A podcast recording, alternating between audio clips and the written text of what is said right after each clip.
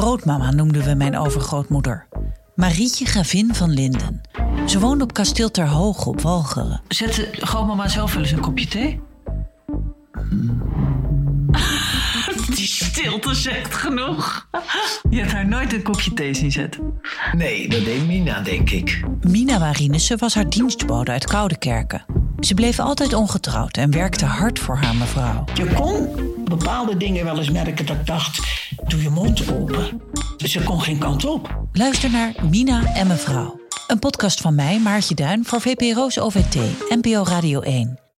Ter ere van 40 jaar Nacht van de Poëzie verzamel ik, Bianca Schrijver, buitengewone verhalen van gewone mensen in de podcast Nu je het zegt. Verhalen over veranderende vriendschappen, kleine heldendaden en ook over wachten op de dood. Ik bedoel, ik heb zeven jaar geleden dacht ik van ja, mijn pensioen ga ik niet halen. Omlijst met de mooiste optredens op de Nacht van de Poëzie hoor je elke aflevering één verhaal. Je moet er niet zo lachen, want ik... Luister nu je het zegt hier in je podcast-app. Leuk dat je luistert naar Boeken FM. Hou jij ook zo van gemak? Abonneer je dan op deze podcast, dan hoef je nooit meer een aflevering te missen. hey, en als je dan toch bezig bent, laat dan ook een recensie en een genereuze hoeveelheid sterren achter in je podcast-app. Dan kunnen andere luisteraars ons makkelijker vinden in hun podcast-apps en het geeft ons natuurlijk een goed gevoel van binnen. De leukste recensie wordt voorgelezen door Joost de Vries. Heb je een vraag of ben je onredelijk boos op ons? Stuur dan een mailtje naar boekenfm.dasmag.nl Nou,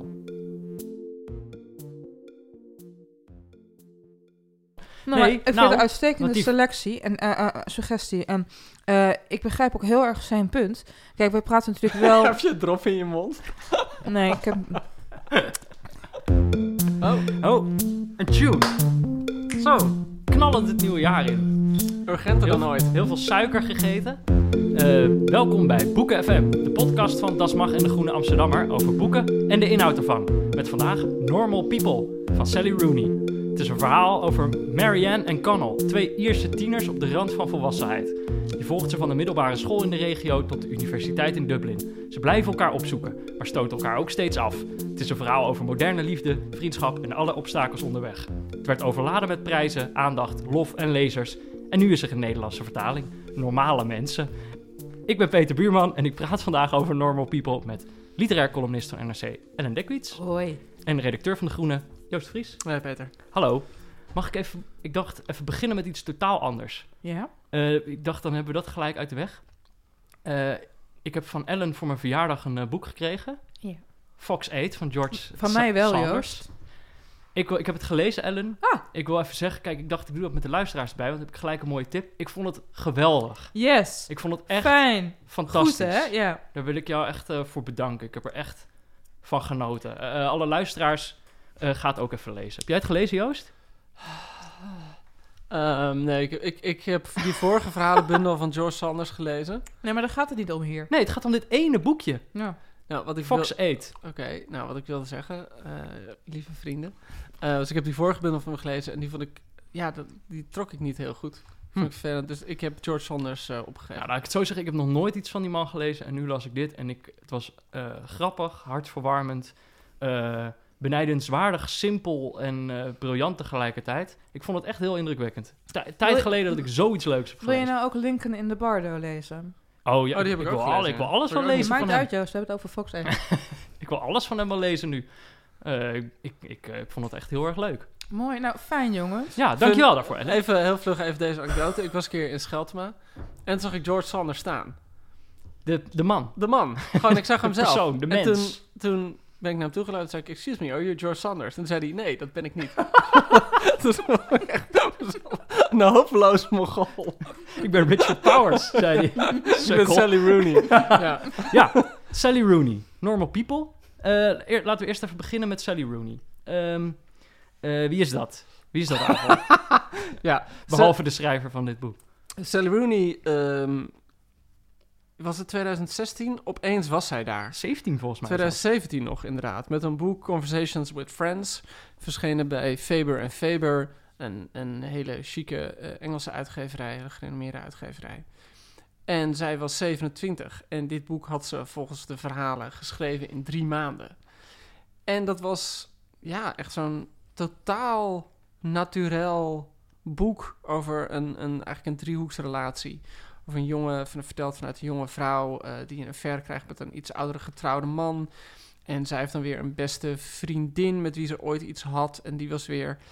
eh, die had ook weer een soort van gekke fascinatie met, dat, met die man en zijn vrouw. Eh, en eigenlijk een, een soort van klassieke driehoek of, of vierkant verhaal. En opeens was dat gewoon het boek waar iedereen het over had. Ehm, ik vond dat. Dan ben ik meteen weer zo negatief. Ik vond het best een beetje tegenvallen. Eh, en toen kwam dit jaar, of ja, in 2018, dat Normal People, dat ze blijkbaar ook in, in twee weken geschreven af of zo. En dat was toen helemaal de hype van het jaar. Ja. Kan je even toelichten hoe echt een hype was? Eh, nou ja, het, het, het ging meteen gepaard met het etiket eh, de Challenger van de Snapchat-generatie, wat wel Ja, echt maar- een, een vreselijke term is. Maar dat is gewoon, dat is, dat is toch haar eigen, eigen redacteur geweest die dat gezegd heeft? Ja, maar dat, was dus een groot portret, stond volgens mij van er in The Guardian. eh, waarin die, die ehm, redacteur werd geciteerd. En dat citaat is ook meteen de kop boven het stuk. Dus Ja, dat was ja. echt zo, zo'n quote, het op een bepaalde manier heerlijke PR was dat. En zij werd opgepikt meteen door Zadie Smith. Die dan zei van, wauw, ik kan me niet voorstellen dat er iemand is die... die dat ze zo jong is en, en meteen zo volwassen schrijft. En nee, dat was echt zo heel nadrukkelijk het meest gehypte boek van het jaar. Het was genomineerd voor de Booker Prize. En toen was er ook in de Britse media zo'n rondgang langs allemaal boekhandelaren. En iedereen, al die boekhandelaren zeiden... geef in godsnaam de Booker Prize aan dit boek... want dan verkopen we er een miljoen van. Want dit is nou echt het boek dat, Ze heeft dat het niet iedereen wil gewonnen. lezen. Ze heeft het niet gewonnen, Nee, helaas. volgens mij was ze longlist. ja, zij heeft Ja. een shortlist gehaald, inderdaad. Ja, Ze ja. heeft nu wel de Costa de Costa gewonnen. Ja. Ehm, en ja, ik weet niet, bijvoorbeeld hier bij Das Mag vond ik dat wel opmerkelijk. Dat vertelde Daniel eh, van der Meermen. Dat alle medewerkers dit boek voor kerst hadden gehad. dus eh, op zo'n Ja, maar manier niet- is dit echt zo'n boek dat rondzinkt. Dat, ja, maar dat- dus, dus niet als een soort... Even, ze hadden het allemaal afzonderlijk gekregen, toch? ja, dus ze hadden niet, het niet als een soort kerstpakket gekregen van Das Mag. Nee, nee, nee. Niet zo zeg maar bij een wokpan en dit boek. Eh, dus iedereen had... Dit, dit is echt zo'n boek dat Ja. wel rondzinkt. Ja, nou... Ja, en om Oh. even, echt heel even de hype te benadrukken. Hè. Ja. Ik, toen ik wist dat wij de podcast hierover zouden doen, ben ik naar Waterstones gegaan om het aan te schaffen. Ze hadden een aparte kast en ze hebben een aparte Waterstones uitgave. Dat is ook bij Waterstones het boek van het jaar. En in Engeland en in eh, Ierland, heb ik me laten vertellen, hadden boekhandelaren op hun raam gezet of er nog exemplaren waren van Normal People. Nou ja. Ridiculous, maar grappig en zo succesvol. Ja, nou, wat, over de hype. Ik vond dit nou echt een voorbeeld van eh, een Instagram-boek. In de zin van dat ik het overal op Instagram langs zag komen. Dat mensen het aan op, het lezen ik, waren. Ik, heb het op Instagram gezet. ja, nou, maar je bent niet de enige. Ik bedoel, heel veel van mijn, ja, hoe zeg je dat, Instagram-vrienden, of de mensen die ik volg, op een of Je andere manier dat- was dit... som- je hebt al vaker dat soort boeken die dan binnen een bepaalde kring eh, heel veel gelezen wordt. Maar ik had echt het idee dat mensen heel graag ook wilden delen dat ze dit boek aan het lezen waren. En op het moment dat ze het aan het lezen waren, ook graag via Instagram wilden laten weten dat, dat ze het heel erg goed vonden of dat het ze eh, raakte.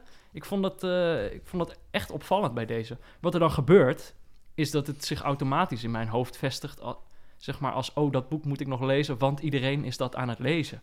En dan Eh, heb je minder zin ook. nou, Ja, ja, het kan, het is een het kan beetje ook tegen je dubbelzinnig. werken, inderdaad. Ja, het is een beetje dubbelzinnig, omdat ik dan denk van, oh, hmm, als, als iedereen het zo uitbundig omarmt, dan ben ik inderdaad een beetje voorzichtig en tegelijkertijd ook wel extra nieuwsgierig. Dus daarom was ik blij dat we dit voor de podcast gingen doen. Hadden jullie er last van? Want ik had er echt last van toen ik begon in dit boek. Ik dacht van ja, ik moet dit goed gaan vinden, anders heb ik ruzie met mijn hele omgeving. Echt? Ja. Ja. Oh, dat had ik eerlijk Schrik gezegd ik niet hoor. niks van aan hoor. Nee. Maar, maar je, er- je, je kijkt wel kritischer naar de zinnen. Ja, Ja, en ik had dus dat, dat vorige boek van haar, vond ik... ehm, Conversations with Friends, vond ik dus... Ja, dat was ook al zo gehyped. En dat vond ik heel erg tegenvallen. De- de- het boek is, zoals Normal People echt een overdreven normale titel is... en Conversations with Friends is het ook. En dat vond ik eigenlijk door het hele boek heen, op stilistisch niveau... Ja, gebeurt wel wat, maar het is allemaal zo heel naturel opgeschreven. Heel simpel bijna, heel direct. Eh, het is ook wel op een paar plekken met Wellebeck vergeleken. Wellebeck wordt vaak gezegd, heeft een non-stijl. Zijn stijl is een non-stijl. Het staat er zo, zo eenvoudig als het maar kan. Dat was een boek dat ik las, dat was denk ik 300 pagina's. En de eerste 150 pagina's dacht ik, wauw, wat is dit goed. Er heel compact zo'n wereld neer, zo'n denkwereld van een, eh, van een, een jonge millennial in, in Dublin... die zich zorgen maakt over van alles. Eigenlijk heel standaard verhalen, maar wel, wel heel goed gedaan. Heel goed die, die relaties met die ouders en met die vrienden en met die geliefden opgeschreven. Alleen dat boek ging er nog eens 150 pagina's door. Echt alsof het, alsof het leeg Je hebt het nu bloedde. over Conversations Ja, dit vorige boek, dat Ja. Conversation with Friends. Dat, dat, dat vond ik echt het grote manco. Het was gewoon 100 pagina's te lang. En het was echt alsof in die laatste 100 pagina's eigenlijk niks meer gebeurde. Eh, behalve dan dat de hoofdpersoon eh, onverklaarbaar ziek werd. En dat werd toen op een gegeven moment ook verklaard. En, en ja, dat was het dan een beetje. Ja. Ehm, dus, dus dat vond ik toen echt een tegenvaller. En toch heb ik deze wel meteen gelezen. Gewoon puur omdat het die hype was. Dat ik echt dacht, nou ja, eh, het is 200 bladzijden. Of, of hoeveel is het? Net iets meer, 240. Eh, dit is echt een boek dat je in een middag uit hebt. Maar iedereen bijna die ik ken, heeft het ook in een dag gelezen. Ja. Gewoon één stuk door. Ja. Ik ook. Ik begon eraan en ik dacht, oh fuck, dit kan ik niet Ja. wegleggen. Waar gaat het over, jongens? Ja, Zullen we la- daar dacht, even, laten we het eh, verhaal even Ja, laten we het toelichten. verhaal even toelichten. Nou, ik deed in de intro natuurlijk al een beetje. Je hebt, het gaat eigenlijk, eh, je hebt twee hoofdpersonen, Marianne en eh Connell. Ja, gaan we die namen zo uitspreken? Moet maar, hè? Ja. ik Hoe heb, we- ik hoe heb het zojuist hoe gedaan. moeten we ze anders uitspreken? Ja, Marianne. Marianne, En Cornell. Connell. ja, weet ik veel. Nou ja, Marianne en Connell. ehm, die, die, ze, ze groeien op in, dezelfde, in hetzelfde dorpje, slash stad eigenlijk, in een meer landelijke regio van, eh, van Ierland. En uiteindelijk gaan zij ook allebei naar de, de universiteit in Dublin. Eh, en dat is eigenlijk de, de spannen van het verhaal, toch? Op, op het moment dat ze ongeveer Nou, ik klaar denk, zijn ik denk de dat je meteen, meteen er iets, iets bij moet zetten. Want, want dat is natuurlijk, denk ik, eh, het beginpunt van het boek zegt alles. Ja. Connell is een hele populaire jongen op school. Zo iemand die lekker sport en door iedereen bewonderd wordt. En bizar slim is. En bizar slim is zeker omdat hij eigenlijk uit een soort van working class komt. Waarin boeken lezen en nadenken over boeken eh, niet gebruikelijk is. Dus hij downplayt eigenlijk zijn eigen intelligentie. En die Marianne komt dus juist uit, zeg maar, het, het duurste huis van de buurt. Met, eh, volgens mij wordt zoiets beschreven van eh, dat de tuin niet een tuin genoemd moet worden, maar grounds. Dus dat het echt gewoon een soort van stadspark is. Haar vader is volgens mij overleden. Ehm ze wonen met haar moeder en haar oudere broer. Heel chic, heel raar. En zij is dus ontzettend niet populair op school. Ja. En die twee En ze kennen elkaar omdat de moeder van Connell is de schoonmaker. ja, dat, ik bedoel, dat zegt alles inderdaad, zeg maar, de klassenverhouding tussen die twee. En eigenlijk beginnen die twee dan, daar begint het boek mee, dat zij ontdekken tot hun verbazing dat ze eigenlijk meer met elkaar in gemeen hebben dan ze denken. En dan krijgen ze een, ja, zullen het maar seksrelatie noemen? Ja, een seksrelatie. Een seksrelatie Ja. die geheim moet blijven. Want die Connell heeft liever niet dat de andere mensen op school het weten dat hij iets met haar heeft. Ja, met een, met een impopulair... Met een impopulair meisje. En dan, hij maakt dat zo casual op een bepaalde manier dat als dan eenmaal eh, ze naar de, de prom gaan van de high school, het, eh, het eindbal, dat hij haar niet vraagt, maar iemand anders. En dat is ook het moment dat dat weer klapt. En voor de luisteraars die het boek niet hebben gelezen, die 1 en 2. eh, het prom-moment, het is dus niet een soort She's All Dead in romanvorm. dat prom-moment heb je al na 40 pagina's. Ja, nog wel eerder denk ik inderdaad. Ja, ja, ja, dus is dat niet- is wel echt belangrijk om te Ja, weten. dus- En ook wat, wat, wat, wat mij echt trof, ze zijn compleet eerlijk tegen elkaar. Ja. En wat ze denken, wat ze voelen. Althans, ze zijn compleet tegen, eerlijk tegen elkaar wanneer ze op de middelbare school zitten. Maar zodra het probleem naar voren komt wat ze nou eigenlijk zijn, friends with benefits of toch verliefd, dan gaan ze nadenken en dan gaat alles heerlijk mis. Ja. Ja. En om, om dan nog heel even door te gaan. Ja. Eh, volgens komen ze elkaar een jaar later of zo weer tegen op de universiteit. En daar zijn de rollen omgedraaid. Eh, ik bedoel, zij zitten dan op Trinity College Dublin, chique universiteit. Zij, omdat zij uit zo'n goed milieu komt, is daar helemaal vis in het water. Eh, heeft allemaal chique vrienden, doen allemaal leuke dingen. En hij komt daar binnen en hij was natuurlijk de populaire jongen op school, maar op de universiteit, ja, is hij gewoon de jongen met goedkope kleren eh, die er niet helemaal bij passen. Dan opeens zijn de relaties, zijn de rollen omgedraaid. En eigenlijk door het boek heen, en het boek speelt zich over een aantal jaren af, zie je steeds die verhoudingen tussen hen veranderen.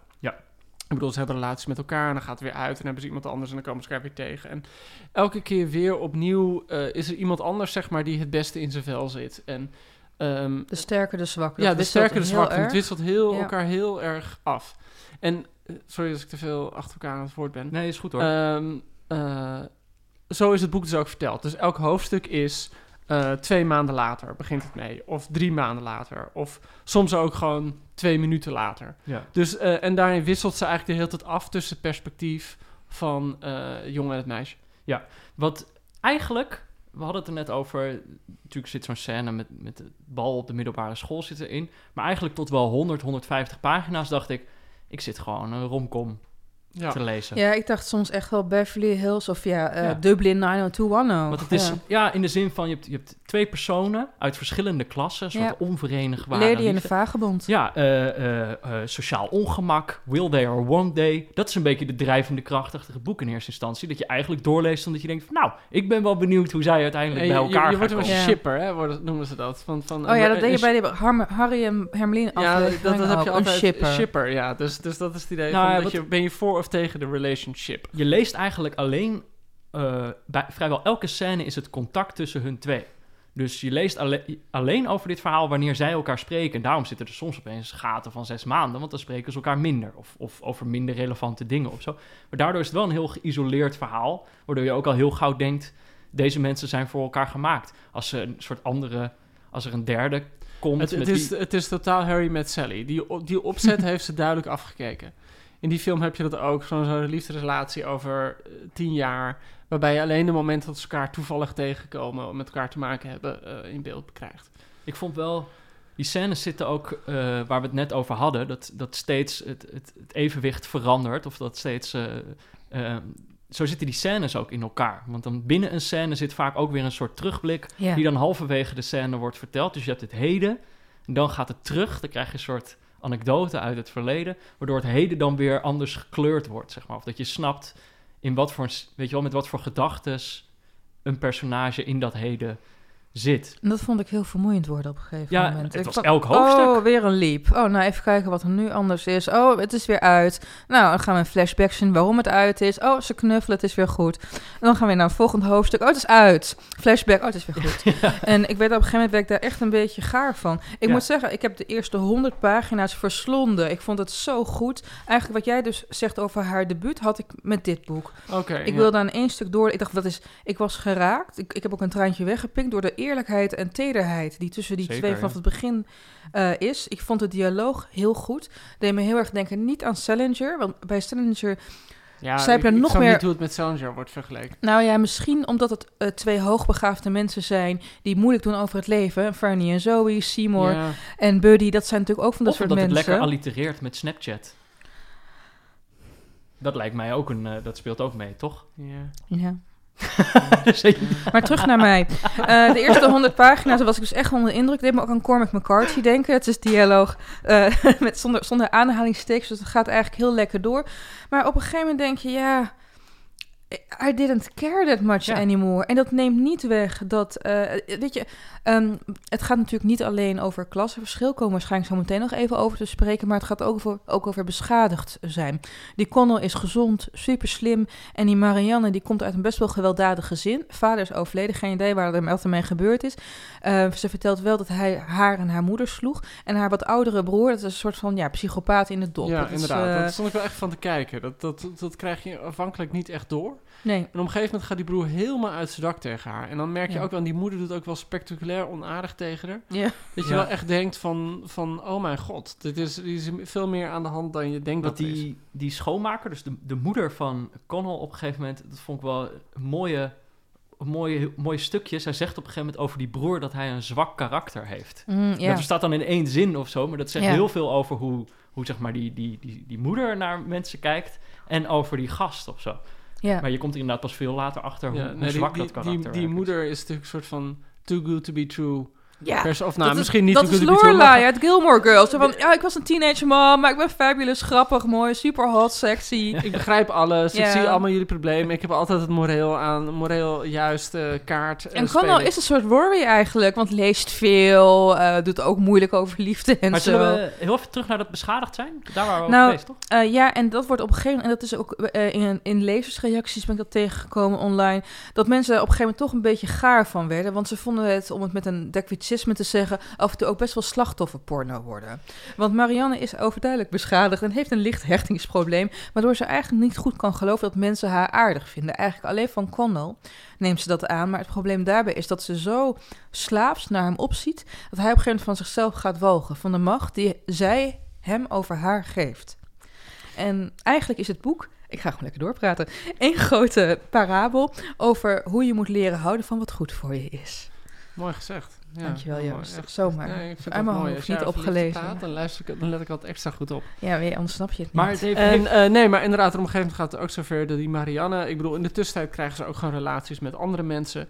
En die Marianne krijgt op een gegeven moment een vriend. En, eh, en ze wil dan dat die vriend haar slaat ook tijdens de seks. En haar wurgt. En, en ze wil dat hij onaardig tegen haar doet. Dus, en het gekke is, en daar sta ik... Dat, dat vond ik eigenlijk een soort van wrang einde van het boek. Ik ga niet heel veel verklappen of zo. Dat vond ik wel opmerkelijk. Was ik wel benieuwd wat jullie daarvan vinden.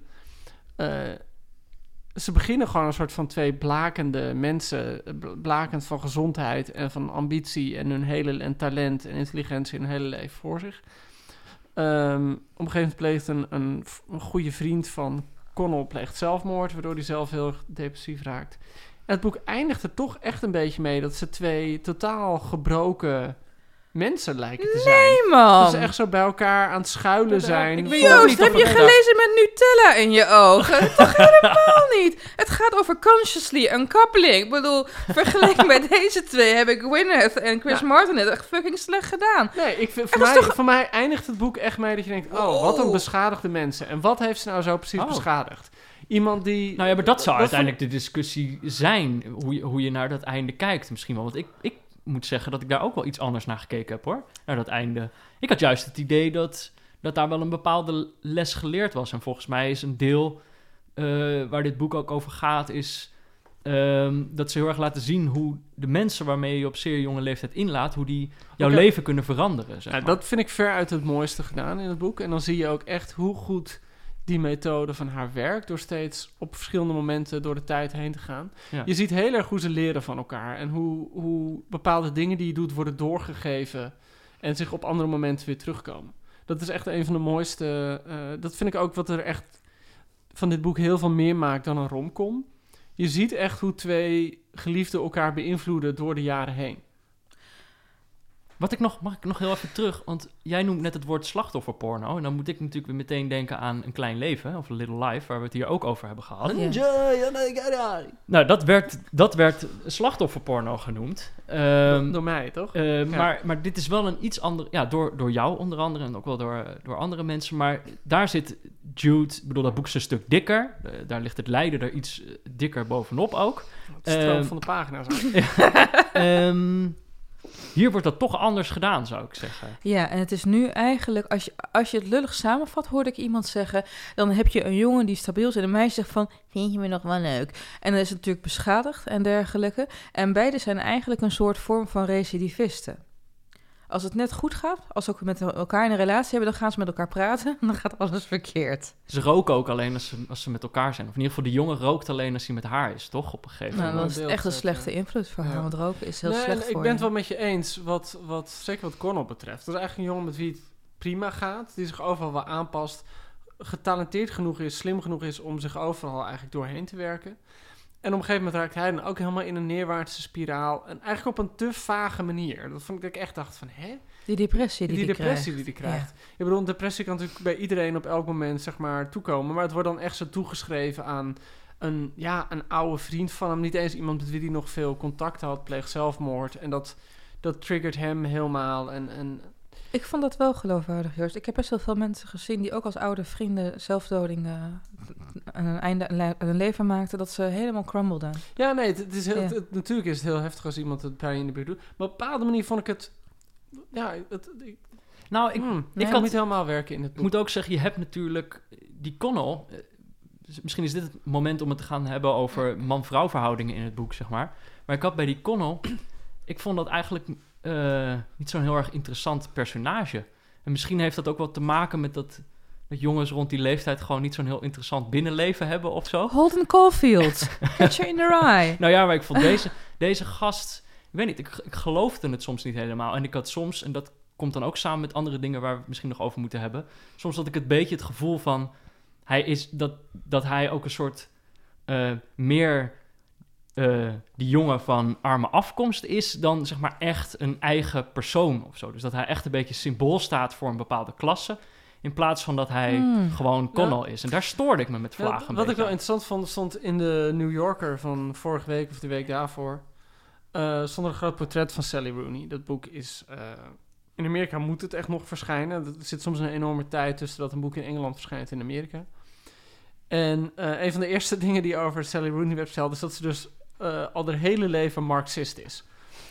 En ze zichzelf ook echt ziet als een Marxistisch schrijver. Dus voor haar gaat dit boek heel erg over hoe verschillende klasses met elkaar te maken hebben. En hoe er een soort van ehm, ja, onderdanigheidsrelatie is tussen de, de rijke klasse en de armere klasse. En hoe die ook weer veranderen. En in die zin zie je inderdaad wat een soort van schematische opzet is tussen Connell en Marianne. En, en ehm, ja, eigenlijk niet op een manier dat ik daar last van had hoor. Maar het is wel heel duidelijk dat dat erin zit. Nee, en ik geloof het ook wel dat dat er echt in zit. Ik, denk- ik denk wat Peter eerder bedoelt is, is dat Connell niks meer is dan zijn afkomst en zijn enorme leertalent. Ja, nou met vlagen inderdaad. Ik, had soms een ik vond hem gewoon een minder, minder echt persoon eh, dan, dan bijvoorbeeld Marianne in dit verhaal. Eh, en de- met vlagen viel me dat dan op hoor. En soms, soms ook niet. Ja. Ehm, Nou, hij is een beetje de, de knight in shining armor de hele tijd, hè? Ik bedoel, behalve dat hij dan even een dipje heeft. Maar eh, Marianne heeft een kutvriendje of een kutbroer of een kutleven. En dan komt hij er weer aan met zijn witte paard gegalopeerd. ja, En dan, dan fixt hij het wel even. maar ik kon op een of andere manier kon ik mijn haar ook beter voor me zien dan, dan Ja. hij of zo. Ja. Eh, er zaten bij haar meer details dan bij hem. Had je niet het hele idee dat zij het was? Hoe bedoel Wie? Wat? Hè? Oh, Sally Rooney zelf. Nou, ze beschrijft haar uiterlijk een aantal keer dat ik denk van... Goh, dat is best wel hoe jij er zelf ook uitziet. Ik, Oh, maar oh, ik dacht- het ook, zegt ze dat ze eigenlijk best mooi is en zo. Ja, ja, ja, maar- ja, een paar is, dit de, is dit de fan theory eh, afdeling? Want, want dan zou ik zeggen, zij is denk ik die eh eh, Sadie die Oh, eh ja, Connell op een gegeven ja, moment ja. tegenkomt. En, eh, want Sally Rooney heeft zelf dan ook op Trinity gezeten in, in Dublin. En heeft waarschijnlijk ook daar korte verhalen geschreven in Ja. het Oh, ja, literaire blad van de universiteit. Ja, nou, dat doet die Sadie. Fangirl. Er Sadie, Sally, nou ben je al bijna. Maar ik ben het wel met je eens. Het punt is inderdaad, die Connell is gewoon een prima gast. Het is gewoon zo'n gast van, hey, eh zo'n voetbalkijker. Ja, prima, biertje. En heel veel meer Oh nee, dat- wacht een omaatje. We gaan helpen de straat over te Ja, steken. zo- Zo'n type. Ja, gewoon zo'n Ja. type van, hey girl, heb je het koud? Hier is mijn sweater. Ja, maar het- misschien is het ook niet helemaal te wijten aan Sally Rooney hoor. Het heeft misschien ook gewoon wel een beetje te maken met, met gewoon... Wacht, eh, gaan we nu zeggen dat we mannelijke personages minder interessant vinden dan vrouwelijke personages? nou ja, Nee, dat gaan we niet eh, zeggen. eh, nou, ik, weet Oh, niet. Oh, jongens. Of misschien deze specifieke man is gewoon niet zo heel interessant waarover zij geschreven. Ik, dat ben ik met je eens. Dat ben ik met je eens. Ja, het ben ik ook met je eens. Hij heeft wel echt een gaapfactor, hoor. Ja, ik vind het wel grappig dat jij net begon over ehm, She's All That. Ik heb altijd gewoon van Kiss... Dat is toch van Kiss Me? Ja. Oh, zo'n lekker liedje is dat. Ja. En eh, echt helemaal zo'n jaren negentig heimwee. Maar, Maar- dat, dat, hij is natuurlijk Freddie Prince. Hij is totaal Freddie hij is Prince. totaal Freddie Prince. Hij is gewoon... Hij is de jock. Hij draagt het, de, het, het, eh, het- de jas van de sportclub, van de school. Hij is de Jackson en- uit Sex Education. Ja. Gewoon de geslaagde man. Hij is gewoon prima. En, en hij is ook nog eens heel aardig en heel slim. Dus hij is misschien wel heel, heel volledig op een manier... Je bent bijna meer gewend dat personages een soort haakje hebben... of iets vreselijks hebben, iets heel irritants hebben. Maar dit heeft ze wel bewust gedaan. Want ehm, de titel is natuurlijk Normal People. En Ja. zowel hij als Marianne verzuchten de hele tijd... dat ze geen idee hebben hoe je normaal moet doen. En een normaal mens en een normale relatie Ja. moet hebben. Op een gegeven moment zegt hij ook ergens... dat hij wou dat hij bij andere mensen even in hun privéleven kon kijken... en dat kon copy-paste naar zijn eigen privéleven... om te kunnen zien wat, wat normaal is. En als zo'n iemand met een, nou ja, op, op papier... de meest simpele doorsnee persoon... behal- behalve dan een belachelijk getalenteerde goede sport... Als die al niet weet hoe je normaal moet doen, dan kan het een statement van de schrijver zijn. Want wij zijn allemaal. Ja, jullie zijn natuurlijk ook super sportief en hoogbegaafd. Maar Connor is toch wel een stapje plus. En dan is, hoe raar zijn wij dan wel niet? Ja, maar hij is fictioneel, hè? Echt? Hey, als we het over klassen hebben, is dat dan ook... eh, dan hebben we het nog te maken met... Jij wilde het hebben over de verboden liefde, Ellen. Ja. Ehm, en dit is dan een, een, een, een, een rijke vrouw met een, eh, met een arme jongen. Is dat dan... Nee, ehm, maar, maar dat is eigenlijk eh, verboden liefde in die zin. Eh, alle personages hebben een intimiteitsprobleem. Ze, ze zijn allemaal hitsig, ze willen het allemaal met elkaar doen, lijkt het wel.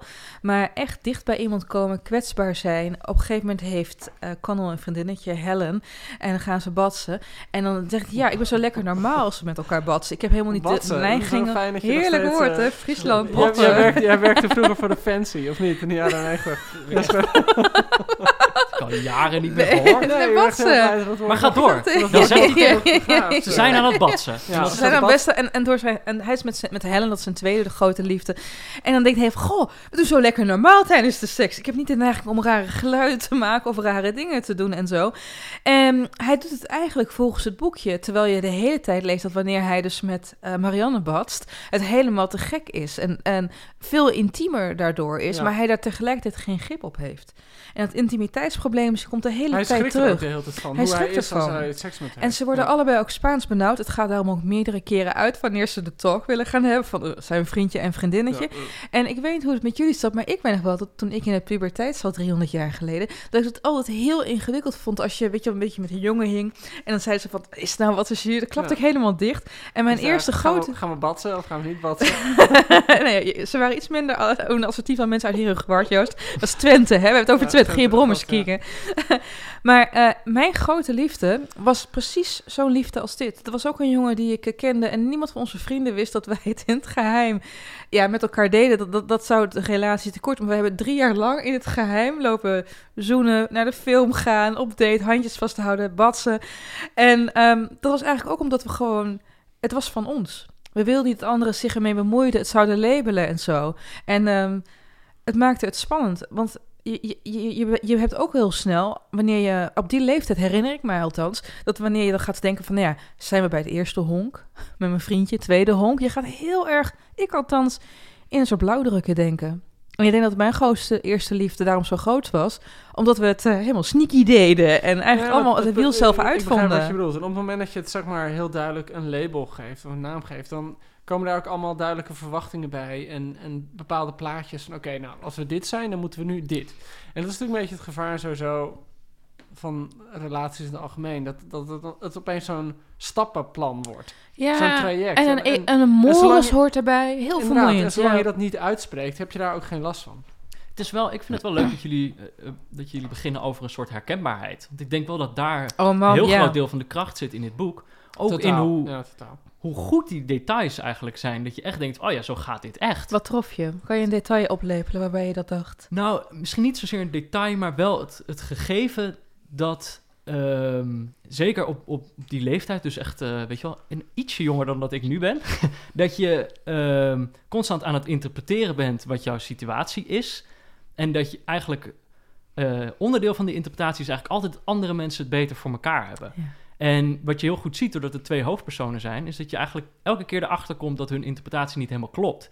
Dat de anderen het helemaal niet beter voor elkaar hebben dan zij denken, weet je wel. Die Ja, anderen denken ook weer dat, dat iemand zit er heel mooi in. Dat gaan we niet verklappen. Op een gegeven moment hebben ze echt een heel groot conflict. En als lezer zie je dus wat er misgaat. En zij zelf zien het niet. Er is op een gegeven moment zit er gewoon zo'n enorme nou ja, spraakverstand. Babylonische Ja, spraakverwarring. dat, dat is het eigenlijk. Ja. Zij voelt zich afgewezen, terwijl hij juist haar probeert tegemoet te komen.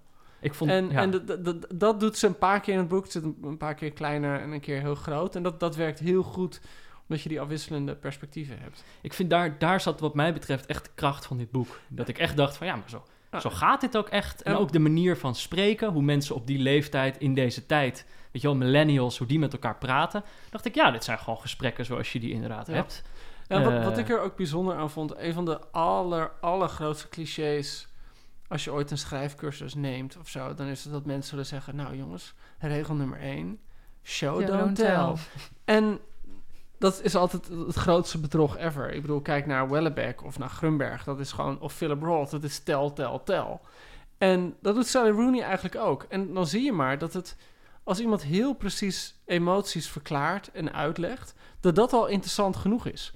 Dus het is niet zo dat ze eh, eh, beschrijft, nou, ze, ging, eh, ze voelde zich onstemmig en ze in een hoekje zitten huilen. Ze gaat heel nadrukkelijk uitleggen hoe die emotie werkt, waardoor die wordt versterkt.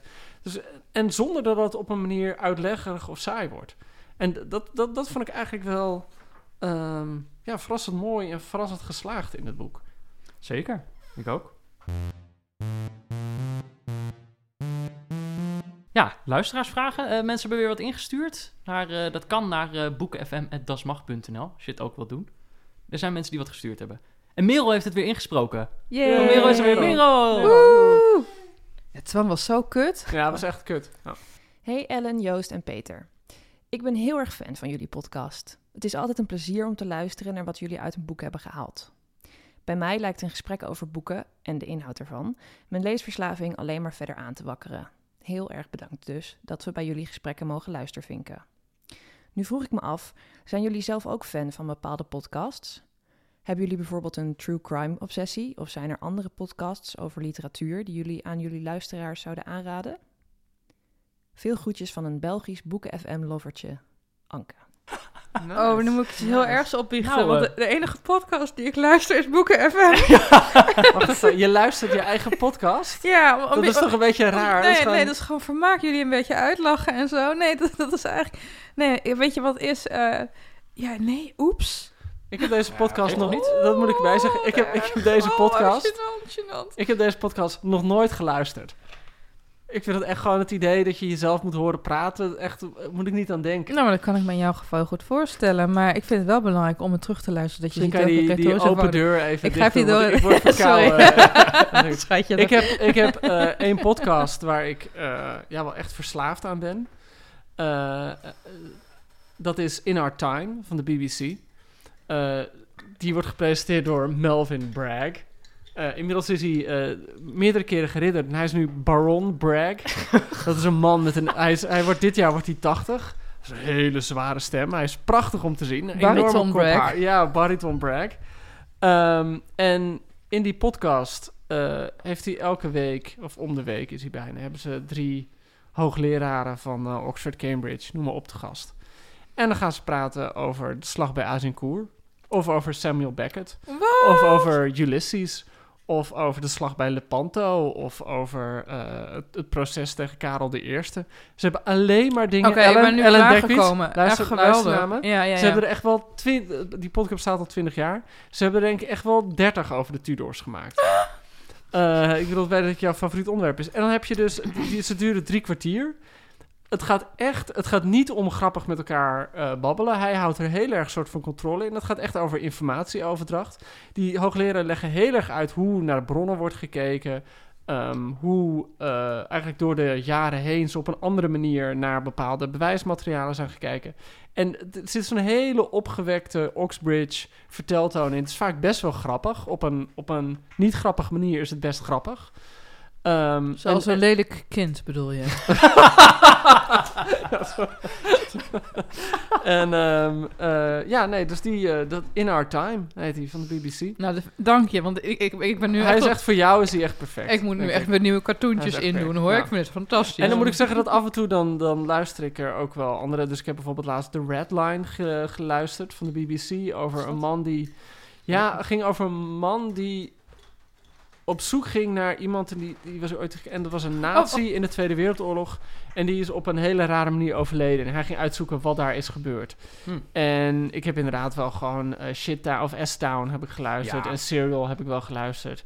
Ja. Eh, maar In Our Time is mijn, eh, mijn go-to. Ik, ik luister wel een andere podcast. Oh. Ik luister de Zoomboeken podcast. Oh ja. Nou, dat, dat, vind ik heel leuk. Dat wou ik dus net zeggen. Ik, ik luister eigenlijk helemaal geen podcasts over boeken. Eh, Heeft iemand nou alle heksenhieldropjes opgegeten? Merel toch? Merel. jongens, jullie moeten niet te veel suiker eten. Niet te veel suiker eten, dan word je hartstikke druk. En dan moet ik jullie weer helemaal in toon proberen te houden. Nee, wat ik wou zeggen is... ehm, ik luister wel eens eh, de, de Fiction, New Yorker Fiction podcast. Dus van de New Yorker. Dat, wat ik daar wel leuk aan vind, is dat je soms... eh, die verhalen zijn lang niet altijd even leuk, maar je hebt wel een schrijver die het zelf voorleest. Dus dan bijvoorbeeld Edgar Caret, die zijn eigen verhaal voorleest. Dat is gewoon wel heel plezierig, maar dat is gewoon een voorgelezen verhaal. Dus het is misschien eerder een luisterboek dan echt een, een, een medium-specifieke podcast. Ehm, maar verder, ja, ik bedoel, jij zegt ook S-Town, Serial. Dat zijn allemaal een beetje de dingen die je altijd wel noemt. This American Life luister ik eigenlijk best wel vaak, omdat ze gewoon heel vaak heel goed zijn. Ehm, ik luister Heavyweight, die vind ik heel erg leuk. Dat is ook voor jullie wel tip, maar dat is ook wel een... een Wat is dat? Dat is van, eh, god, hoe heet die gast nou ook alweer? Auke Hulst. Nee, ik ben zijn naam vergeten. Het is van een, eh, een, een, een, een man die ook heel lang bij This American Life heeft gewerkt. En hij- nu gaat hij eh, mensen helpen om iets recht te zetten uit hun eh, verleden. Eh, Hmm. En dat zijn allerlei eh, verschillende dingen, maar het is, het is heel erg grappig verteld. Het is vaak ook nog wel heel erg mooi. Er zit altijd een, een twist in, dus je denkt altijd dat het eh, ergens heen gaat en dan wordt het toch nog een niveautje hoger getild. Eh, dus soms dan zit je 40 minuten te luisteren en denk je ja. En dan opeens komt er toch iets heel moois. Dus dat is echt in de vertelling wel heel erg mooi. En eentje die ik eigenlijk nooit hoor, want Heavyweight wordt ook wel vaak getipt, is ehm, van John Green, die, die young adult schrijver. Ja, van de Fault in Our Stars. Ja, natuurlijk ook uh, met, met, YouTube veel dingen gedaan. En hij heeft een, een, uh, een podcast die komt maandelijks uit, een half uurtje. Anthropocene Reviewed. En dan geeft hij recent, elke aflevering geeft hij twee recensies van dingen die uh, tekenend zijn voor het antropoceen. Dus het uh, menscentrische we uh, wereldbeeld. En eigenlijk zijn dat gewoon een soort korte essays. Maar op een of andere manier heeft hij in plaats van een bundel uit te brengen, heeft hij ervoor gekozen om, om dat in een podcast te doen. Maar ik vind het hele leuke, leuke verhalen, dus dat vind ik ook wel een tipje. Maar okay. verder, ja, niks. Is er nog een vraag? We hebben ook een mail gekregen van Twan Schenkels. Uh, dank daarvoor. Het is een hele lange mail. dus ik ga het proberen wat in te korten. Uh, hij geeft ons veel complimenten over uh, de podcast. En dat hij meteen is begonnen met de boeken die we besproken hebben. En zijn vraag die hij heeft is de volgende. Volgens mij heeft iedereen een leesvoorbeeld, een docent of ouder of goede vriend die ons heeft geïnspireerd. Zo niet om een lezer te worden, dan toch wat voor lezer. Ik zou bijvoorbeeld mijn docent Engels van de middelbare school noemen. Nu wisselen we boeken uit en dan komt het dilemma: wat voor boeken geef je aan je lezers voorbeeld om te lezen? Mm. Dat is dus een vraag. En dan komt er nog een suggestie. Ik heb ook nog een voorzichtige suggestie. ik lees veel boeken, Smooth. heb Engelse taal en cultuur gestudeerd en hou van de wereld rond boeken. Maar mijn leesconsumptie valt in het niet bij jullie alles verslingende honger. Dat heeft denk ik ook te maken met het feit dat jullie professionele lezers zijn. Soms is het ontmoedigend om alles door de blik van een doorgewinterde, soms wat cynische recensent gepresenteerd te krijgen. Ik had bijvoorbeeld aan de hand van het slapeloze nachtverhaal van Joost de Vries best wel zin om Melmoth te lezen. En waarschijnlijk zou ik ook een stuk minder last hebben van het feit dat sommige stelfiguren wat cliché zijn. Want ik heb niet vorige week nog zeven horrorverhalen en twaalf reflecties over horrorverhalen gelezen. Nu laat ik het boek toch echt liggen. Sommige boeken zijn gewoon slecht en ik zou niet willen dat jullie je ontzettend gaan inhouden. Zou het echter een idee zijn om een soort van boekenliefhebberspanel bestaande uit luisteraars of vrienden van jullie samen te stellen, die zo nu en dan een iets minder afgekloven blik werpen? Ik weet het, de Groene Amsterdammer nog Das Mag lijken erg bezig te zijn met de blik van Jan met de pet. Maar soms ook wel erg weinig met de blik van Jan met de iets minder dure pet. En dan verwijt ik jullie geen snobisme, maar eerder een zeer, zeer, zeer, zeer ontwikkelde smaak. Nogmaals, ik ben echt ontzettend blij met de podcast. Ik heb geen eindeloze voorraad vrienden die op dezelfde manier geïnteresseerd zijn in boeken, dus jullie fungeren voor mij als boekenvrienden. Heel veel dank voor alle mooie luisterminuten. Twan. Nou, Zo, ik, Twan, dankjewel. dankjewel. Ik, vers, ik verstond het niet helemaal. Kun je nog een keer herhalen? dankjewel voor je bondige vraag, Twan. Nou, nee, ik vind nou, het een uitstekende die... selectie en uh, uh, suggestie. En uh, ik begrijp ook heel erg zijn punt. Kijk, wij praten natuurlijk wel... heb je drop in je mond? nee, ik heb... Ik begrijp zijn punt ook wel. Shut the fuck up. ik, begrijp ook, ik begrijp zijn punt ook wel. Want we zijn toch een beetje... Uh, ja, ik bedoel, twee hebben een research master gedaan... en een derde iets met geschiedenis, maar ook met veel teksten. Dus we zijn toch wel doorgewinterde lezers. En inderdaad kan af en toe... Wij kunnen ons ergeren misschien aan dingen waar anderen zich niet aan ergeren. Ja. Net zoals dat uh, wanneer je voetbal kijkt. Uh, ik bedoel, sommige mensen zijn al blij als gewoon die bal erin gaat. Maar je hebt ook mensen die zeggen: Ja, maar hallo, die tactiek was zo, weet je wel. Of die, ja. die aanvalsforma. Dat snap ik heel, heel, heel goed. Maar ik denk, uh, Twan, wij, wij, zitten eigenlijk um, om die kloof juist te dichten. Tussen mensen die meer willen dan een recensie van een werk lezen. Want de recensie is tegenwoordig niet meer dan een samenvatting in de meeste bladen. En die ook willen kijken wat mensen die er helaas onze studieschuld uh, voor hebben opgelopen om over die boeken te kunnen praten. Dus uh, nee, maar ik, ik, ik, ik, begrijp je punt. Ja, wat, wat ik er wel moeilijk aan vind, en ik, ik snap ook het punt hoor, maar ik kan er niks mee. Dat bedoel ik niet lullig, maar ik kan daar gewoon echt niks mee. En ik vind ook iets heel flauws. Waarmee? Met eigenlijk het... Laat ik het zo zeggen. Als je bij een voetbalwedstrijd uh, commentaar na afloop ziet dan wil je niet dat dat gedaan wordt door mensen die zeggen... ja, ik weet eigenlijk niet, wat is het buitenspel ook alweer? Nou, ik vond het wel een leuke wedstrijd. ik je verwacht wel dat er iets meer analyse is. En um, ja... Um, Ja, oké. norma- ja, ik- Nee, ja. Joost, maar dit is niet wat hij bedoelt. Dit is, we, we, we hebben allemaal wel een boek wat we in onze puberteit lazen, wat we toen fantastisch vonden. En toen lazen we het later terug en dachten we, oh, gênant dat ik dat toen goed vond, zeg. Ik had dat met Brave New World. Ik dacht, nou, dit is het echt helemaal. Dan als ik het terug dacht, nou, dat is toch wel een beetje voor de hand een cliché. Maar het neemt niet weg dat ik er destijds ontzettend veel plezier van heb gehad. Soms kan Nee, ook... Ja, dat, dat, dat, ik bedoel, dat heb ik ook. Maar dat, ja. Nee, maar ik heb, het, ik heb het niet over wat we moeten doen, maar wat hij bedoelt. Nou ja, eigenlijk misschien. Kijk, nu is onze, onze brug naar de, de luisteraar is, is een mailadres. Dus misschien moeten we, moeten we op een gegeven moment toch maar een keer gaan nadenken over een andere manier waarop we misschien wel suggesties of eh, eh, reacties of zo zouden kunnen eh, zien of zo. Om op die manier, want misschien, hij is gewoon misschien ook op, zoek naar een stukje toenadering. hij wil gewoon mee kunnen praten. Wat ik wel altijd heb is als mensen zeggen van ja, ik heb niet de afgelopen maand eh, 12 boeken gelezen en 24 artikelen over boeken gelezen. Ik altijd denk, wat doen jullie dat met je tijd? ik vind dat, dat gewoon. ik vind dat heel, Wat doen jullie dan ja, de hele doen dag? jullie dan de hele dag? Twan stelde ook nog een andere vraag, jongens. Die hebben we Eh, al beantwoord. Nee, die hebben we niet beantwoord. Die hebben in de eerdere aflevering... Waar, wie, de vraag was onder andere wie zijn onze lezersvoorbeelden... maar ook Ja. wat geef je die nou cadeau als boek? Dat, dat vroeg hij ook meer. Of ben ik nou gek Oh. Henkie? Nee, ik ben geen... Fox jullie, jullie hebben niet... Fox Ja, maar, nou ja, om, om, even terug te koppelen, Sally Rooney kan je echt aan iedereen cadeau geven.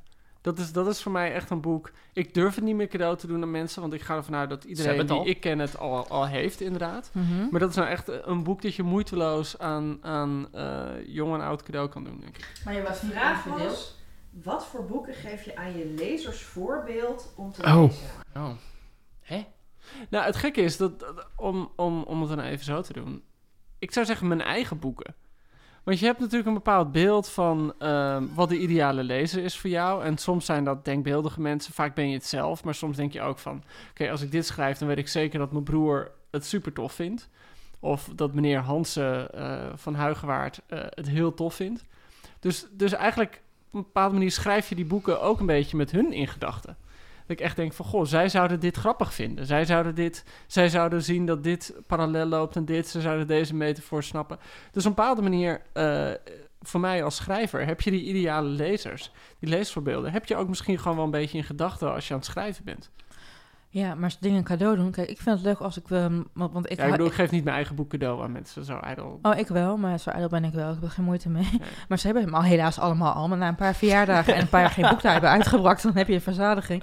Maar ehm, ik geef ze al, want, want ik hou natuurlijk voor de krant eh, de, de, best wel de actuele letteren bij. Als ik echt enthousiast ben over iets wat vers van de pers verschenen is, dan koop ik het meteen in en dan deel ik het ook uit. Eh, we hadden in een van de vorige afleveringen geloof ik al over The Silence of the Girls. Van Pat Barker, wordt waarschijnlijk wel een keer Nederlands vertaald. Dat vond ik zo goed. Dus dat hebben mijn ouders, mijn beste vriend, mijn beste vriendin cadeau gekregen voor kerst. Ik heb het ook gelezen, op jouw aanraden. Wat vind je Kerst. ervan, Joost? Ik vond het een heel interessant boek en ik zou er, Ellen, heel graag een podcast met jou willen maken. Joost, ik ben zo gevleid. Mag Peter ook Ja, meedoen? Of doen we het even met Peter. tête-à-tête? Peter, Peter, gewoon- nee, je Peter- mag meedoen, jongen. Peter Pik, mag, kom aan- mag aankondigen dan. Nou, ik wou nog vragen, eh, ehm, omdat ik zo blij was met Fox 8, Ja. dacht ik, eh, had, je, had je die speciaal uitgezocht of dacht je gewoon, deze vond ik zelf heel leuk en... eh, Nee, ehm, ehm, eh, ik, ik, ik, Fox Heet is een kleinoot, jongens, voor de mensen die het nog niet kennen. En ik weet hoeveel je moet lezen en hoe druk je het hebt. Dus ik denk, nou, ik ga je niet opzadelen met, met een baksteen. Maar het is wel zo, je werkt natuurlijk ook voor de speld en de humor in Fox 8. En als Ja. ik zie om welke grappen van ons jij wel lacht, dacht ik van, nou, dit is helemaal iets voor jou.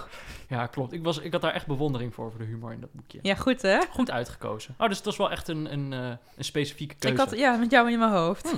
Aardig ben ik, hè? Als ik niet jullie afzeik. Wee. Eh, Niet op ingegaan. Normal People. Terug Sally naar Rooney. Normal People. Ja, Sally Rooney. Ja, Joost, kijk, jij zegt ook dat je het aan iedereen wel cadeau zou doen, maar ik proefde toch net uit je eerdere bespreking dat je niet echt onverdeeld enthousiast Ja, bent. jawel. Ik ben er Ja, wel. Kijk, het, wel. het gekke is, weet je wat mij er een beetje tegenhoudt? Nou, Is dat je.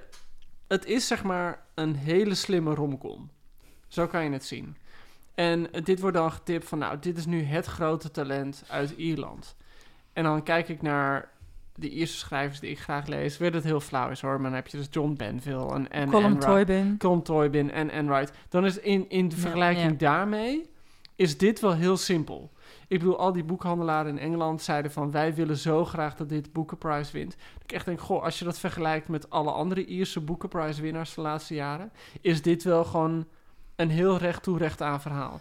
Dit is denk ik het snobisme, eh, of het, het, zeg maar de hoogdrempeligheid. Snobisme is, is niet juist, maar de hoogdrempeligheid waar eh, de vraag net over ging. Dus laat ik die omzeilen. Ik zeg tegelijkertijd is het wel echt een boek dat je gewoon raakt en dat je echt eh, compulsief blijft doorlezen. Ja, dat had ik Dus wat dat betreft, als leeservaring, vind ik het boek heel goed. Ik vind het boek trouwens stilistisch en qua opbouw ook heel goed in elkaar zitten hoor. Maar het, het, het is niet eh, John Banville. Ik bedoel, dit gaat niet uiteindelijk eh, zoals hij eh, de Nobelprijs winnen. Ik, ik ben toch benieuwd. Eerder in dit gesprek zei je ook al van daarom is het voor mij toch meer dan een romcom. Nu zeg je ook het is een hele slimme romcom. Waar zit dat? Waar zit het dan in? Is zit dat echt in die details waar we het net over hadden? Dat het dus heel slim gedaan is hoe die twee personen zich tot elkaar verhouden? ja. Of, of waar zit dat dan in? Weet je, misschien is het ook wel gewoon een soort van... Ligt het ook wel gewoon aan mij hoor. Maar dat je toch denkt, ja god, het gaat over een jongen en een meisje van begin twintig...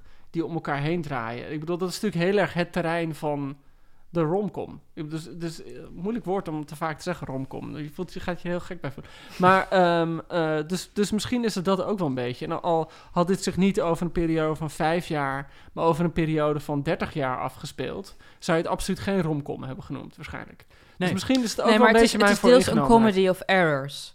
Zoals in elke romcom. Misschien dat daar de vergelijking zich ook wel opdringt. Nou, weet je, ehm, over de kwaliteit hiervan.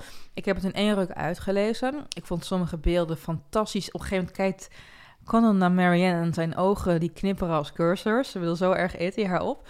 Ehm, maar wat, wat mij echt opviel, en ik heb dat niet op internet teruggevonden, dus misschien ben ik de eerste en misschien eh, zie ik het onterecht. Het heeft ontzettend veel overeenkomsten, zowel qua manier van vertellen, qua personages, qua plot, qua uitkomst, als een bestseller van nu een kleine twaalf jaar geleden. Oh. En dat is de eenzaamheid van de priemgetallen van Paolo Oh, ja. Giordano. Want ehm, ik heb het volgens mij ja, bij mijn aantekening. Dit is gewoon de eerste editie van de eenzaamheid van de priemgetallen. Want ook in, dit, in dat boek heb je de kutvaders, familiedrama's, hoogbegaafde mannelijke hoofdpersonen, populariteitsgroep op de middelbare school, jongvolwassenen die om elkaar heen draaien, met elkaar naar bed willen, maar het lukt maar niet. Althans, het lukt wel bij Sally Rooney, maar het, de intimiteit is altijd een lastige kwestie. Er is ook in de eenzaamheid een buitenlandsreis, dus een verplichte scheiding, gaan helemaal kapot. Er is ook anorexia, er is automutilatie en het einde overlapt. En ehm, ik vind dat. Het is te ver te zeggen van dit is plagiaat, dit is geript. Het kan geïnspireerd zijn. Ehm, maar wat ook kan, en dat, dan sluit ik aan het romcom-argument, of het romcom-verwijt eigenlijk een beetje. Ehm, het is zo'n simpel voorspelbaar verhaal in zekere zin, dat het al eerder gedaan is. Niet noodzakelijk beter. Het is een draak van de boek, de eenzaamheid van de priemgetallen.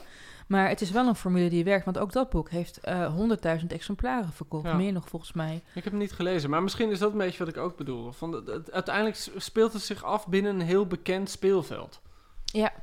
Ja. Ja. ja, en kijk, ze is natuurlijk met, ze wordt de Salinger van de Snapchat eh, generation genoemd. Maar wat ik zo mooi en pijnlijk vind eh, bij Salinger is het isolement waarin jongeren zitten wanneer ze slimmer zijn dan, de- gemiddeld. En dat heb je hier eigenlijk amper. Hun isolement zit in hun klasse Ja. en de omgeving die daar aan mee overlapt of juist afwijkt. Maar ik vind dat niet genoeg. En Salinger is ehm, natuurlijk ook wel stilistisch, is daar heel veel aan de hand. Het is, het is ironischer. Ja, Het is gewoon voor zijn personages. Veel Je merkt dat Rooney wel eh, echt van haar personages houdt. Kijk, Salinger die maakt ze, om het met Jane Austen te zeggen, gewoon om ze hun hoofd af te hakken eigenlijk. En tegelijkertijd wil je ervoor springen als lezer. Nou ja, goed, bij Salinger werd ook gezegd van hij hield zoveel van de familie Klaas dat hij meer van hen hield dan van de mensen om hem heen. Oh, dat geloof Eh, ik zo. en, en bij ja. Salinger heb je natuurlijk heel veel thema's. Die, ik bedoel, al die personages van hebben een soort van oorlogstrauma. Ik bedoel, er is wel heel veel meer aan de hand eh, in zijn boeken dan, eh, dan, dan dat. Dus ik, ik zou Salinger wel... Ja, eh, ik, ik vind die twee onvergelijkbaar met elkaar. Kunnen we wel Nee, even terug Ja. naar die vergelijking die jij maakt? Ja. Zijn dat dan, zeg maar, want ik, ik, aan het begin zei ik al van dit, is, dit gaat ook over een soort moderne, modern, moderne liefde en moderne vriendschap. Ik had ook wel echt het gevoel van het is een, een millennial boek. Wat voor mijn gevoel dan ook heel goed past bij al die Instagram, al mijn Instagram vrienden die het aan het lezen zijn. Dat het Mhm. voor mijn gevoel heel goed daarin past. Zit, zit daar dan niet wat nieuws in? Dat het, of is het echt... Nou, als je het gaat hebben over, ehm, hoe noem je dat? Ehm, mensen die elkaar willen en niet kunnen krijgen, is natuurlijk een stokoud eh, Ja. fenomeen. Hè? Dat zitten we, zien we in de Bijbel al. eh, Ja. Zelfs in Gilgamesh-epos. eh, zit nou Daar is Paolo Giordano ook niet de eerste in. Nee, die staat, die staat ook niet in de eerste in. Maar de overlappingen vind ik wel echt frappant. En ook, ehm, dat ben ik net vergeten te vertellen, maar ook Giordano, die heeft ehm, hoofdstukken die zijn omgebouwd als tijdsvlak 1. Ze zijn allebei jong, weet je wel. Dan flash forward, tijdsvlak 2. Oh, er zitten flashbacks in wat er vroeger is gebeurd. Dus het lijkt daarin er ook heel, heel sterk op. Natuurlijk, weet je wel, als dit in twee weken is geschreven... en ik geloof niet, het, het lijkt er zo erg op... dat ik niet geloof dat het plagiaat is. Nee. Weet je wel, dat zou gewoon stupide zijn. Maar ja, het, het zegt wel iets over... Het is een, dit verhaal, dit narratief... sluimert wel in veel meer films, in veel meer boeken en zo. En ik vind de uitwerking hiervan... ehm, de personages raken mij. Ik vind de dialoog mooi. Ehm, maar ik vind het, het uiteindelijke plot... Kijk, eh, als je het hebt over marxisme... Hè, Marx vond dat je kunst altijd moet gebruiken... om de mens te verheffen. Hè? Dat is een van de hoofdredenen dat kunst zo gepusht werd bij het communisme. Ik heb hier na afloop niet... Ik ben hard verward. Ik heb ook een beetje het gevoel dat ik een hap van een lauwwarme kroket heb genomen. Ja. Nou, dat herken ik wel.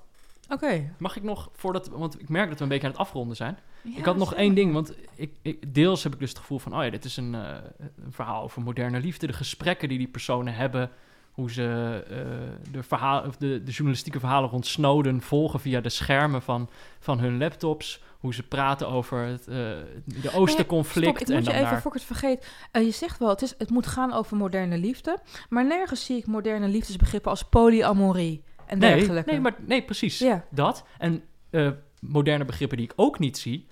En dat vind ik eigenlijk best wel raar, want de jaartallen staan erbij. En dan denk ik van, oh ja, dit zijn personages die ongeveer even oud zijn als ik. Tel, telkens in dat boek. Dus in 2014 hadden ze dezelfde leeftijd als ik. Maar... En ze wordt Salinger van de Snapchat-generatie genoemd. Maar wat zijn ze aan het doen? Ze skypen af en toe. Ze mailen met elkaar. Die mensen sturen geen enkel sms'je naar elkaar of zo. Er wordt niet gewhatsappt. Ik vond dat... eh, ze bellen de hele tijd met elkaar. Dan dacht ik, nou, als je één ding fout hebt over de millennials... dan is het wel dat ze bellen.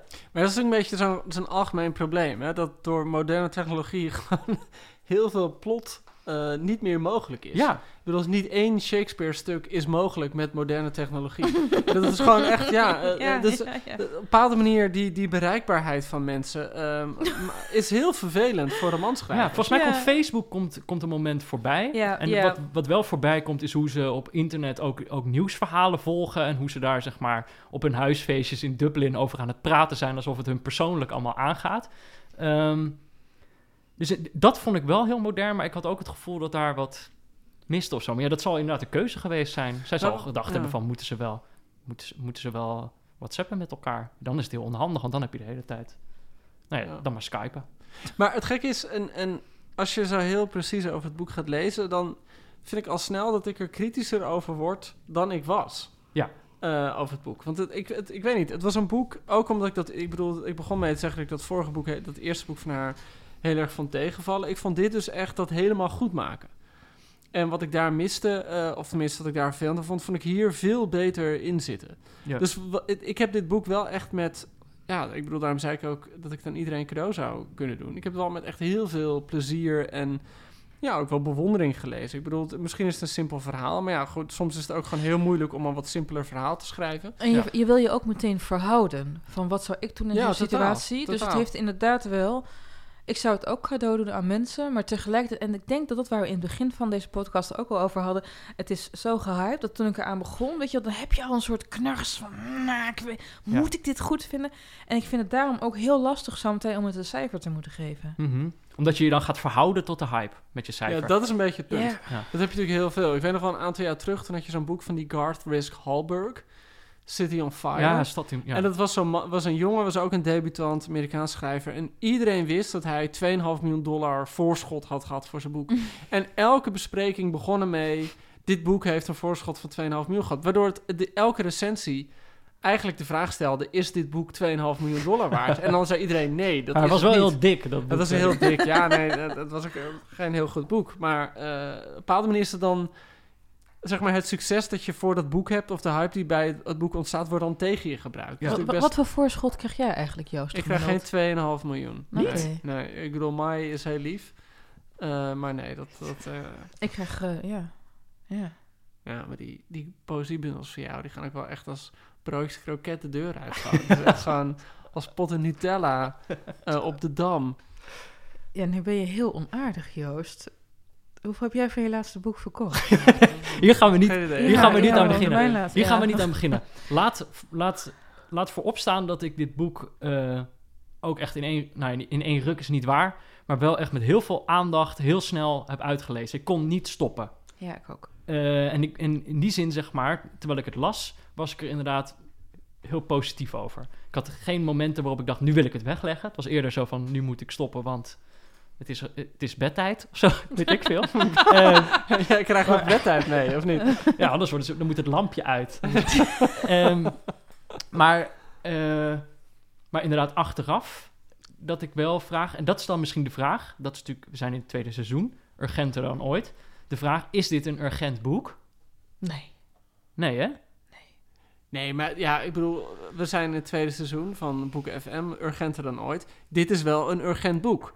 In de zin van, dit is nou een boek dat in Engeland en Ierland heeft iedereen dit de afgelopen jaren, het afgelopen jaar gelezen. Komt nu in Nederland uit, iedereen leest hier ook wel. Ik vind dit wel een boek, als je nou wel een beetje bij wil blijven in wat er nu populair is in de literatuur en wat ook wel serieuze literatuur is, dan vind ik dat je dit boek moet lezen. Ik bedoel, het kost je drie Ja. uur om het uit te lezen. Die moet je er gewoon in investeren. Daar krijg je echt geen spijt van. Dus ik vind dit in die zin wel een, een urgent boek. Kijk, als het urgent is in de zin van dit is het boek dat de wereld verklaart. I don't know. maar het, het is wel een, een soort van slice of life van onze tijd die ik heel herkenbaar Ja. vind. Nou, daar, daar ben ik het helemaal mee eens. Maar ik zou inderdaad zeggen dat het dan weer niet urgent is, omdat ik niet het gevoel, gevoel heb dat het, dat, het, dat het mijn wereldbeeld veranderd heeft of zo. Of dat het, weet je wel, als, je, als ik dit vergelijk met eh Ellie Smith, die we het eerste seizoen hebben gelezen of zo, dan, daar, daar zit zoveel meer in. Ja, ben ik Ja. met je eens. Maar ik bedoel, je leest soms ook gewoon literatuur om een mens tegen te komen. Ja, absoluut. En Ja. dat, je bedoel, heb wel echt het idee dat je met twee mensen in contact bent. Ja, zullen we dan gelijk, kijk, wat ik natuurlijk steeds doe. Ik ga dan in het boek zelf, ga ik dan blurbs zoeken voor het boek. Deze keer heb ik er twee. En dat is eigenlijk waar we het nu over hebben. Mm. Een quote voor elk standpunt. Eh, dus ik vind het wel leuk, het zit in het Oh, boek doe zelf. het, Oké, doe nou, het, kom op. doe Ehm, je. eerste standpunt is, dat is wat Joost eigenlijk net zei. He, uh, he's amused at himself, getting wrapped up in the drama of novels like that. It feels intellectually unserious to concern himself with fictional people marrying one another. But there, is, there it is. Literature moves him. One of his professors calls it the pleasure of being touched by great art. It suggests to Connell that the same imagination he uses as a reader is necessary to understand real people also, and to be intimate with them. Dat is eentje, dat is een beetje aan het begin van het boek. Is een jonge Connell, dit is zijn, eh, zijn literatuurbeeld. Volgende quote is een beetje aan het einde van het boek. Dan is hij op een gegeven moment in gesprek met zo'n schrijver die op bezoek komt op de universiteit. Uh, it was culture as class performance. Literature fetishized, fetishized for its ability to take educated people on false emotional journeys, so that they might afterwards feel superior to the uneducated people whose emotional journeys they li- liked to read about. Natuurlijk wel een beetje een marxistisch eh, standpunt is misschien, maar ik vond dat wel duidelijk twee dingen waar ik eh, twee gevoelens die ik bij dit boek had. Enerzijds dat ik echt daadwerkelijk geïnteresseerd was in die twee personen. En ook echt eh, meeleefde met hun allebei. En anderzijds dat ik, dat ik ook een beetje het gevoel had dat het een beetje een class performance was. Eh, dus dat, dat, die twee blurbs.